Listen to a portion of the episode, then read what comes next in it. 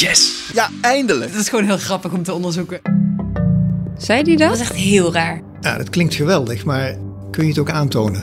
Dit is Speurwerk. Wij brengen je de hoogtepunten van Investico's nieuwste publicaties en laten zien hoe journalisten te werk gaan. Ik ben Simone Peek. En ik ben Sylvana van den Braak. Deze aflevering gaat over de FinCEN Files. Uit ons onderzoek blijkt dat ze eigenlijk een speel zijn in een groot witwasnetwerk. Dat er heel veel via ING liep, dat was nog niet bekend. En dat is wat we nu dus hebben onthuld. Welkom bij Speurwerk. Vandaag gaan we het hebben over een onderzoek waar Investico het afgelopen jaar mee bezig is geweest. De FinCEN Files. Het is een lek van ruim 2600 documenten van de Amerikaanse financiële waakhond FinCEN. Daar moeten Amerikaanse banken verdachte transacties melden. En die geheime documenten kwamen in handen van internationaal onderzoekscollectief ICIJ en werden gedeeld met meer dan 400 journalisten uit 88 landen. Waaronder Carlijn Kuipers en Anouk Kootstra van Investico. En Anouk en Carlijn ontdekten dat in die gelekte data Nederlandse bedrijven en banken oververtegenwoordigd zijn. Het lek laat zien dat 's werelds grootste banken, waaronder de Nederlandse ING, bleven profiteren van machtige en gevaarlijke klanten. Zelfs nadat ze al een boete hadden gekregen voor hun nalatigheid om witwassen tegen te gaan. Er werden nog steeds miljarden rondgepompt voor criminele netwerken en verdachte personen. En het is niet de eerste keer dat Investico zich bezighoudt met onderzoek naar witwassen, toch Sylvana? Nee, dat klopt. Anderhalf jaar geleden publiceerde Carlijn al over de witwasmachine via de Troika Bank, de Troika Landromat, waar we de allereerste aflevering van onze podcast Speurwerk over maakten. Eerder werkte ze ook mee aan de Panama en Paradise Papers. Toch duiken er elke keer weer nieuwe schandalen op. Ik vroeg Carlijn waarom het belangrijk blijft om over witwassen te schrijven en blijft het ook interessant. Carlijn vertelt. Luister mee. Nou, ik vind het zelf heel leuk omdat het elke keer een, een hele grote puzzel is. En voordat je aan een onderzoek begint, een normaal onderzoek begint met een hypothese en een gedachte van dit wordt het wel zo'n beetje, dan weet je voordat je begint al best wel goed waar je naar op zoek bent. En hier is dat heel erg anders. Hier krijg je een bak met gegevens en dan heb je geen idee wat er een half jaar later aan verhalen uit gaat komen. Dus dat is voor het journalistieke werk heel spannend. Soms bekruipt me het gevoel van ben ik niet te veel verhalen over witwassen aan het vertellen? Ben je, ben je niet jezelf aan het herhalen? Maar tegelijkertijd zie je in deze verhalen dat er ook steeds wel heel veel nieuwe dingen bovenkomen. En dat, ja, dat er in elk lek toch wel weer heel veel nieuwe dingen zitten over de schaal, over de mensen die ervan profiteren, over dat we nog steeds hele blinde vlekken hebben waar banken echt niet naar kijken. Ook omdat we steeds meer snappen over de, de effecten van witwassen. De Panama Papers gingen heel erg over belastingontwijking en dat het ongelijkheid in de hand werkt. Bij de Troika Laundromat ging het heel erg over dat we eigenlijk het leegroven van Rusland faciliteren. En inmiddels is de discussie over de effecten van witwassen alweer veel verder en hebben we het veel meer over wat het betekent voor politieke beïnvloeding. En dat je met al dat witgewassen geld nepnieuws kan financieren. En we weten inmiddels ook meer van de effecten. We zien ze in Engeland, we zien ze in de VS. En het grappige is dat verschillende van deze lekken ook in elkaar grijpen. Want we zien hier bedrijfsnamen voorbij komen die we ook in de Panama Papers zagen. Dus door, door al die lekken bij elkaar te leggen, kunnen we, kunnen we een completer beeld schetsen. In 2018 bleek al dat criminelen ongestoord hun gang konden gaan bij de ING-bank toen ze voor 775 miljoen euro schikten met het Nederlandse Openbaar Ministerie. En ook tijdens het doorspitten van de data komt ING vaak voorbij. Gefocust op die betalingen stuitte Carlijn en al snel op Roman Abramovic, bekend als het vriendelijke gezicht van Poetin en eigenaar van voetbalclub Chelsea. Maar volgens de Zwitserse krant Tages Anzeiger brengt de Zwitserse politie Abramovic in verband met criminele organisaties en witwassen. Abramovic komt heel veel voor in de, in de data.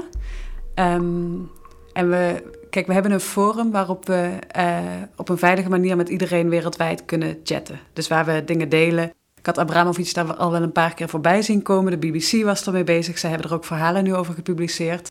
Maar ik had er nog niet echt een Nederlandse link in ontdekt, dus ik had het een beetje links laten liggen. En toen hadden we op een gegeven moment waren we naar ING aan het zoeken. En toen kwamen we Abramovic weer tegen. En toen hadden we door van, oh, hij bankiert in Amsterdam. En toen zijn we dat document gaan lezen en kwamen we erachter dat het ook best wel opvallende betalingen waren. En toen zijn we verder gaan kijken. Wat we zien is dat Abramovic dus in elf maanden tijd ruim 1,3 miljard dollar heen en weer stuurt via verschillende offshore bedrijfjes die hij heeft, via verschillende bankrekeningen, verschillende landen, waarvan andere banken zeggen dat dat verdacht is. En het feit dat hij bij ING zit is al heel interessant. De manier waarop hij die betalingen doet is bijzonder, want experts zeggen van dat, dat is verdacht. En wat het ook heel bijzonder maakt, is dat het zo'n groot bedrag is. Hij maakte in minder dan een jaar tijd 1,3 miljard dollar over. En dat is ook voor hem heel veel, want het is voor hem ook een vijfde van zijn hele vermogen.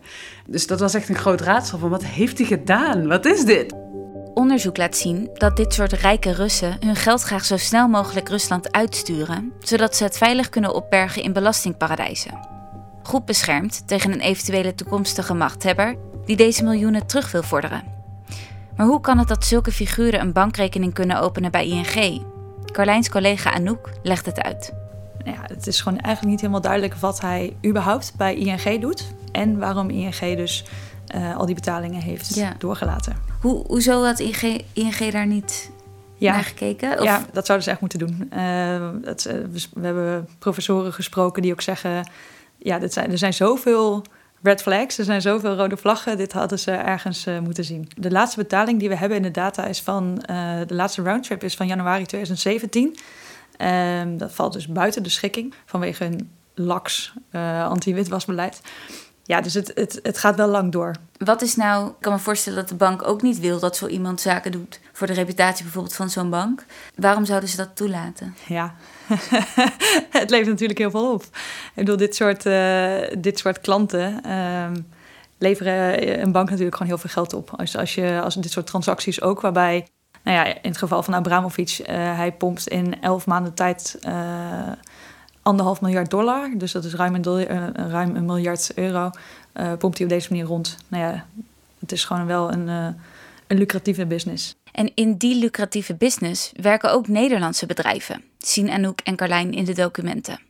Tijdens onderzoek besluiten ze Schildershoven Finance en Trusting Capital onder de loep te nemen. Het zijn, het zijn twee bedrijven en die faciliteren mirror trades. En dat netwerk bestaat uit een, uit een, hele, een heel uitgebreide club van bedrijven. En die worden ervoor gebruikt om geld Rusland uit te krijgen en naar het Westen te krijgen. Dus eh roebels worden dan omgezet in dollars of euro's. En dat is wat die bedrijfjes faciliteren. De gelekte documenten laten zien dat Schildershoven en Trustain een speel zijn in een groot witwasnetwerk uit Moskou. Waar de bedrijfjes bankieren? ING Polen. En er was al in de media al best wel wat bekend over andere onderdeeltjes van dat, van dat witwasnetwerk. Ehm, dus er was een deel dat via Deutsche Bank liep, een deel via Danske Bank. Maar dat er heel veel via ING liep, dat was nog niet bekend. En dat is wat we nu dus hebben onthuld. Nou ja, ik denk dat het wel bijzonder is ehm, in vergelijking tot andere van dit soort andere grote datalekken. eh, dat we nu ook heel veel mensen hebben gesproken. Dus het is, we, we baseren ons zeker niet alleen op de data. Maar tegelijkertijd, ze zijn zo sprekend. Want je ziet de transacties en je weet dat ze hebben plaatsgevonden. Dus het is gewoon heel hard eigenlijk. We weten dat eh, Schildershoven en Trustain verdachte transacties doen. En bedrijven betalen die in dat mirror trading netwerk zitten. En we hebben het document van de Amerikaanse overheid waarin ze zeggen dat, dat zij eh, onderdeel zijn van het netwerk. Wie er achter dat spiegelnetwerk zit, is niet duidelijk. Maar volgens journalist Catherine Belton onderhouden de personen achter het netwerk nauwe banden met de Russische geheime dienst. En ook andere media wijzen naar Poetins inner circle. In totaal onthullen de gelekte documenten verdachte geldstromen van over de hele wereld tussen 1999 en 2017 ter waarde van 2 biljoen dollar. Die zijn terug te vinden in meldingen van verdachte transacties tussen 2011 en 2017. Data van een aantal jaar geleden. Hoe ga je daar als journalist mee om? Hoe controleer je of de problemen van toen nu ook nog spelen? Het is met dit soort gelekte documenten eigenlijk altijd dat je terug in de tijd kijkt. En we krijgen ook altijd van banken terug, het is nu veel beter. En dat kregen we in 2016 na de Panama Papers. En elke keer hebben we weer wat recentere data en blijkt elke keer dat het weer niet op orde is. Je wil eigenlijk zoveel mogelijk weten van oké, dat verleden was interessant, maar hoe lang ging dat door? Want hoe langer dubieuze activiteiten doorgaan, hoe ernstiger dat eigenlijk is en hoe meer de bank te verwijten is. Want dat je drie jaar geleden iets niet wist, dat is iets anders dan dat je het nu nog steeds niet weet en nog steeds niet doorhebt. Dus we hadden eigenlijk steeds die vraag van wanneer is dit gestopt? Is het gestopt? En wat we hebben gedaan is, we zijn zelf geld gaan overmaken naar die bedrijven die we onderzochten. Dus we hebben in de documenten die, die gelekt zijn, hadden we hun bankrekeningnummers. En een kleine maand geleden heb ik gewoon 1 euro overgemaakt naar best wel veel van die bedrijven. En hebben we gekeken wat er gebeurde. Want als het, als het geld overgemaakt wordt en niet terugkomt, dan weten we dat de bankrekening nog bestaat. Bij één bedrijf bleek de bankrekening opgeheven, bij de ander ging hij door. En dat waren echt spannende dagen, want het kan vijf dagen duren totdat je zo'n betaling terugkrijgt. Dus ik was drie keer per dag mijn, mijn online bankieren aan het checken. En Anouk vroeg me steeds van, heb je het al terug, heb je het al terug? En toen bleek dus dat die rekening nog steeds actief was. En dat was echt best wel bizar, want we weten dat Deutsche Bank en Danske Bank bij vergelijkbare bedrijven al jaren geleden gestopt zijn. En we hadden nu dus hard dat ING met een van die bedrijven nog steeds doorging. En dat is, ja, dat is gewoon echt ernstig. Ondanks dat het Nederlandse kantoor van ING zich inmiddels flink inzet om witwassen tegen te gaan, zijn de zaken bij de bank nog niet goed op orde. Een van de bedrijfjes, Tristain, is nog steeds klant. Sterker, ze handelt voor 2 miljard per jaar. Dat roept de volgende vraag op. Waardoor konden criminelen zo makkelijk hun gang gaan bij ING? De buitenlandse kantoren zijn echt een, een blinde vlek. Dus ze hebben eigenlijk heel weinig zicht op wat er bijvoorbeeld bij ING Polen gebeurt. Omdat ze daar hebben ze toch hun eigen regels, hebben het eigen management. Ja, er is geen universeel transactiesysteem. Dus in Nederland, het, hoofdkantoor in Nederland uh, van ING heeft eigenlijk gewoon heel weinig zicht op wat er bij ING in Polen gebeurt. En dat is natuurlijk precies waar criminelen gebruik van maken. Zij weten precies dat, dat, dat zo'n kantoor, zo'n zo'n buitenlands kantoor, um, waar de witwasmaatregelen gewoon heel, heel zwak zijn of waar de controles gewoon heel slecht zijn.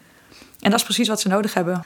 Uh, criminelen zoeken naar een buitenlands kantoor of naar een kantoor bij een bank, uh, bij een bank met een goede naam, maar lakse witwascontroles. En waarom met, bij een bank met een goede naam? Ja, omdat dat eigenlijk de plek is waar je je geld graag wil, wil stallen. Dus uh, je weet, het is stabiel, het is betrouwbaar. Um, en op het moment dat je je geld vanaf een ING-rekening weer verder over wil maken, wordt het ook niet meer zo snel tegengehouden. Want het komt immers van ING. Dus het komt van een, naam, van een bank met een goede naam. Er vloeit op deze manier zoveel um, geld vanuit Rusland naar West-Europa. Um, op het moment dat het geld één keer hier is, we weten gewoon dat er honderden miljarden sinds de jaren negentig vanuit Rusland, West-Europa zijn ingevloeid. En je weet vervolgens gewoon niet meer precies wat er met dat geld gebeurt. Er vloeien jaarlijks miljarden het Westen in. Dat is niet de bedoeling. Maar wat is eigenlijk de invloed van dat geld als het Nederland eenmaal bereikt?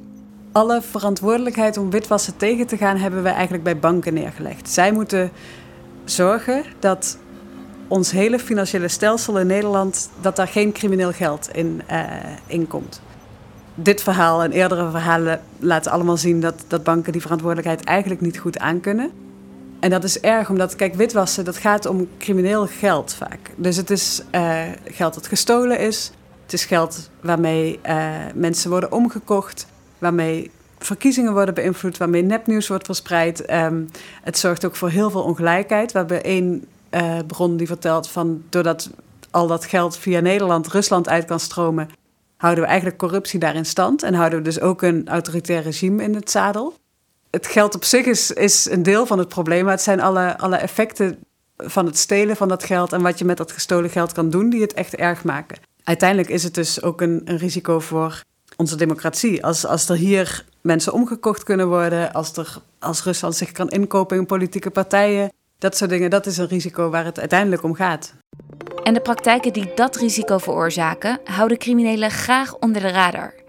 Tijdens het doorspitten van de geheime documenten was het dan ook van groot belang dat dat niet voor publicatie bekend werd. Dat had invloed op het onderzoek van Carlijn en Anouk. Het was best strategisch, dus we moesten goed. Uh, we mochten heel lang mochten we niks erover zeggen. Dus ik mocht ook uh, niks zeggen aan vrienden en familie. Om, uh, het, was, het was echt heel geheim, want het mocht natuurlijk echt niet naar buiten komen dat we, dat we die documenten hadden, überhaupt. Dus het duurde heel lang voordat we echt bronnen konden gaan spreken die we ook iets meer konden vertellen over de, over de casussen waar we mee bezig waren. Dus in het begin moest dat een hele abstracte termen. Dat we betalingen hadden of informatie hadden die erop wijzen dat. En dan om een reactie vragen. Maar gelukkig konden we de afgelopen maand, uh, toen startte de wederhoorfase over de hele wereld. Dus toen begon eigenlijk iedereen met iets meer informatie te geven aan bronnen. Dus nu konden we iets, iets, iets meer voorleggen. Dus konden we echt de betalingen laten zien en nou ja, konden we dan dus op een reactie vragen.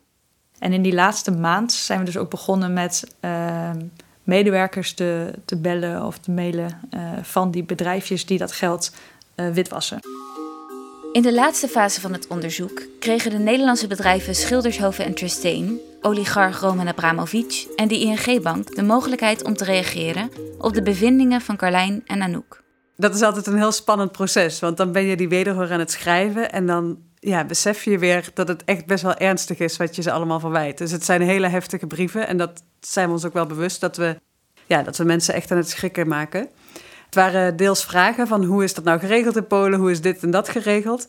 En het waren gewoon alle verwijten uit ons verhaal. Zo van, het lijkt erop dat er eh, miljarden via ING zijn witgewassen. Wat is jullie reactie? Ja, dan is het spannend wat je terugkrijgt.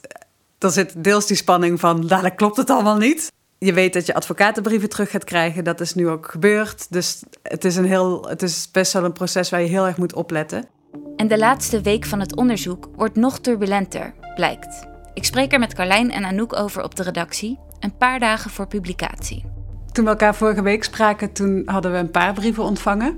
En afgelopen week hebben we denk ik elke dag een nieuwe brief gekregen. En afgelopen week begon het dus steeds meer op ja, bijna een beetje intimidatie te lijken. Van ze probeerden echt met die brieven ons tot allemaal dingen te bewegen die we niet willen en ook niet kunnen doen.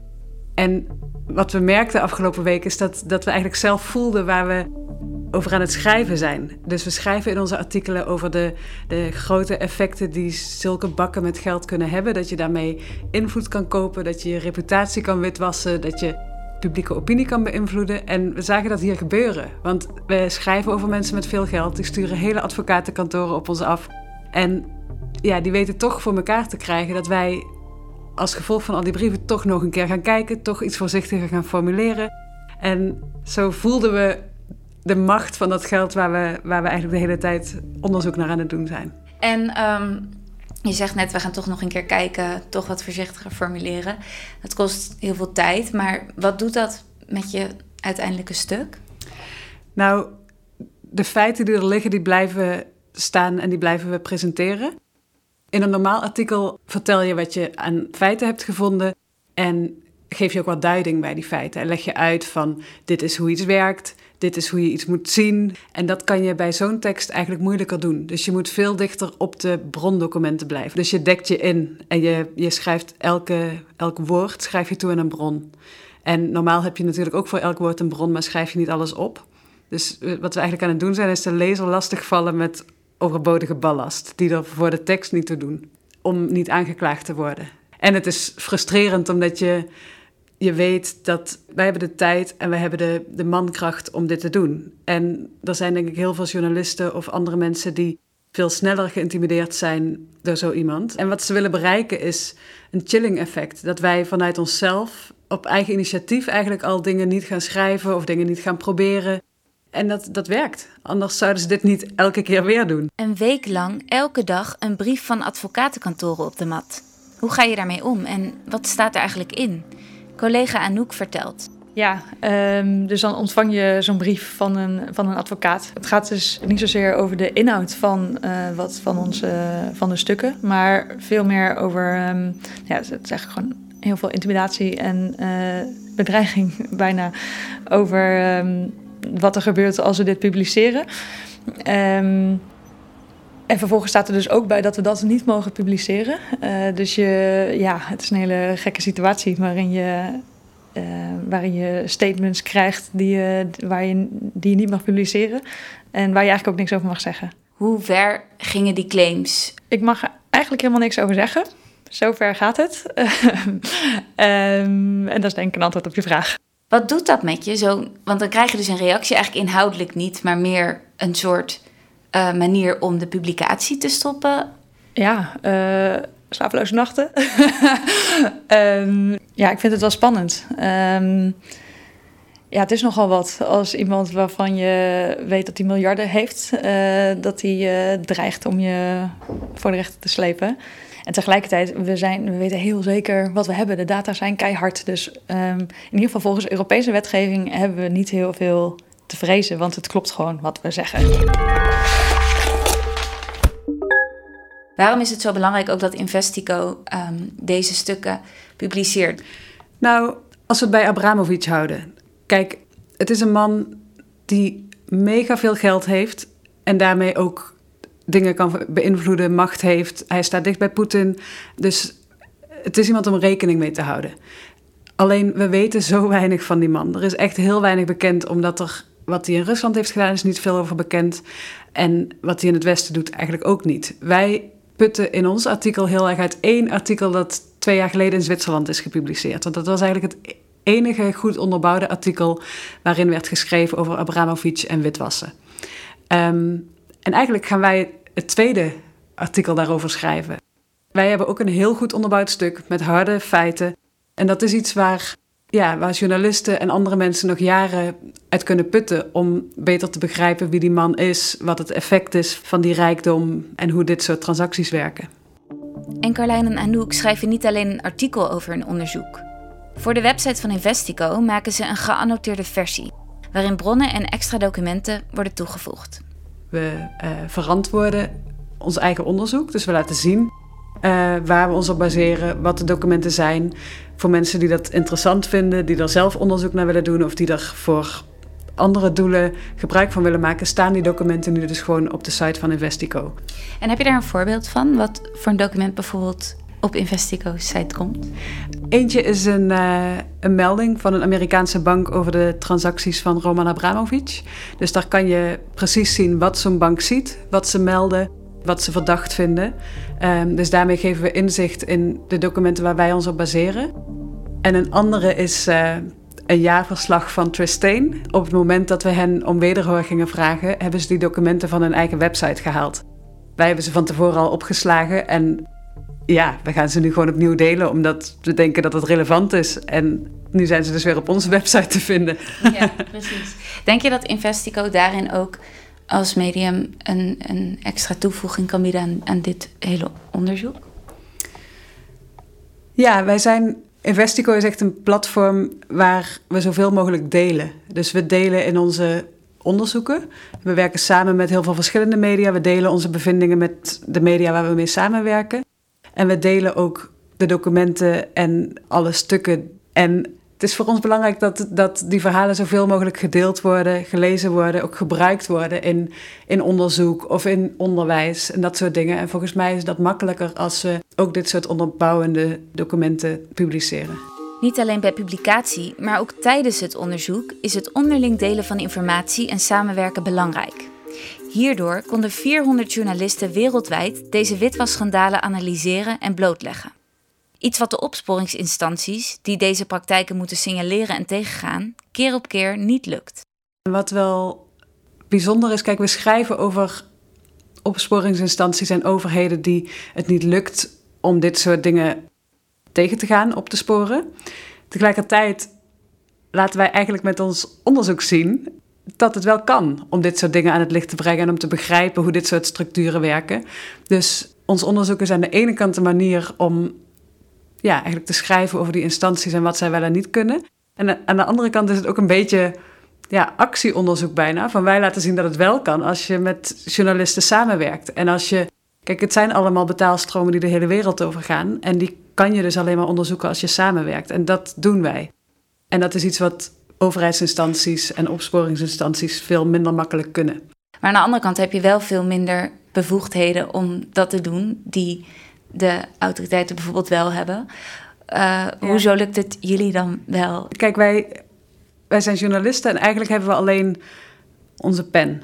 Wij hebben geen speciale bevoegdheden. We mogen niet mensen onder druk zetten om met ons te praten. We mogen niet zomaar uh, documenten confisceren. Opsporingsinstanties kunnen dat allemaal wel. Maar we hebben ook niet de last dat we ons aan nationale grenzen moeten houden. Kijk, wij zijn veel flexibeler en dan dan opsporingsinstanties. Wij mogen gewoon internationaal samenwerken en mogen dingen uitwisselen zoveel we willen. We zijn nu dus met meer dan 400 journalisten wereldwijd. We, we communiceren heel veel met elkaar. We kennen elkaar. En dat geeft ons een enorme voorsprong. En een ja, dat, dat is de enige manier waarop we dit kunnen doen. Dit was Speurwerk, De zogeheten FinCEN files tonen aan dat onder andere ING voor miljarden aan betalingen deed voor Russische oligarchen en een centrale rol speelde in een van de grootste witwasnetwerken die ooit zijn onthuld. De Nederlandse bedrijven Schildershoven en Trustain betaalden via ING Polen zeker honderden miljoenen aan bedrijven die volgens de Amerikaanse autoriteit tot een crimineel witwasnetwerk in Moskou behoren. Hoewel ING de laatste jaren meer investeerde om dit in Nederland tegen te gaan, lijkt de boel bij buitenlandse kantoren nog lang niet op orde. Controles waren lange tijd afwezig en zijn nog steeds zeldzaam. Criminelen maken daar dankbaar gebruik van. Bedankt voor het luisteren. Je kan de verhalen lezen in De Groene Amsterdammer, Dagblad Trouw en het Financieel Dagblad. Op de website van Investico zijn naast de verhalen ook documenten uit de Vincent Files te vinden. De podcast is opgenomen in Som Studio en de muziek en eindmix zijn gemaakt door Pepijn Buitenhuis. Abonneer je op Speurwerk in jouw podcast-app, dan help je mensen ons makkelijker te vinden en krijg je een melding bij een nieuwe aflevering. Tot de volgende keer.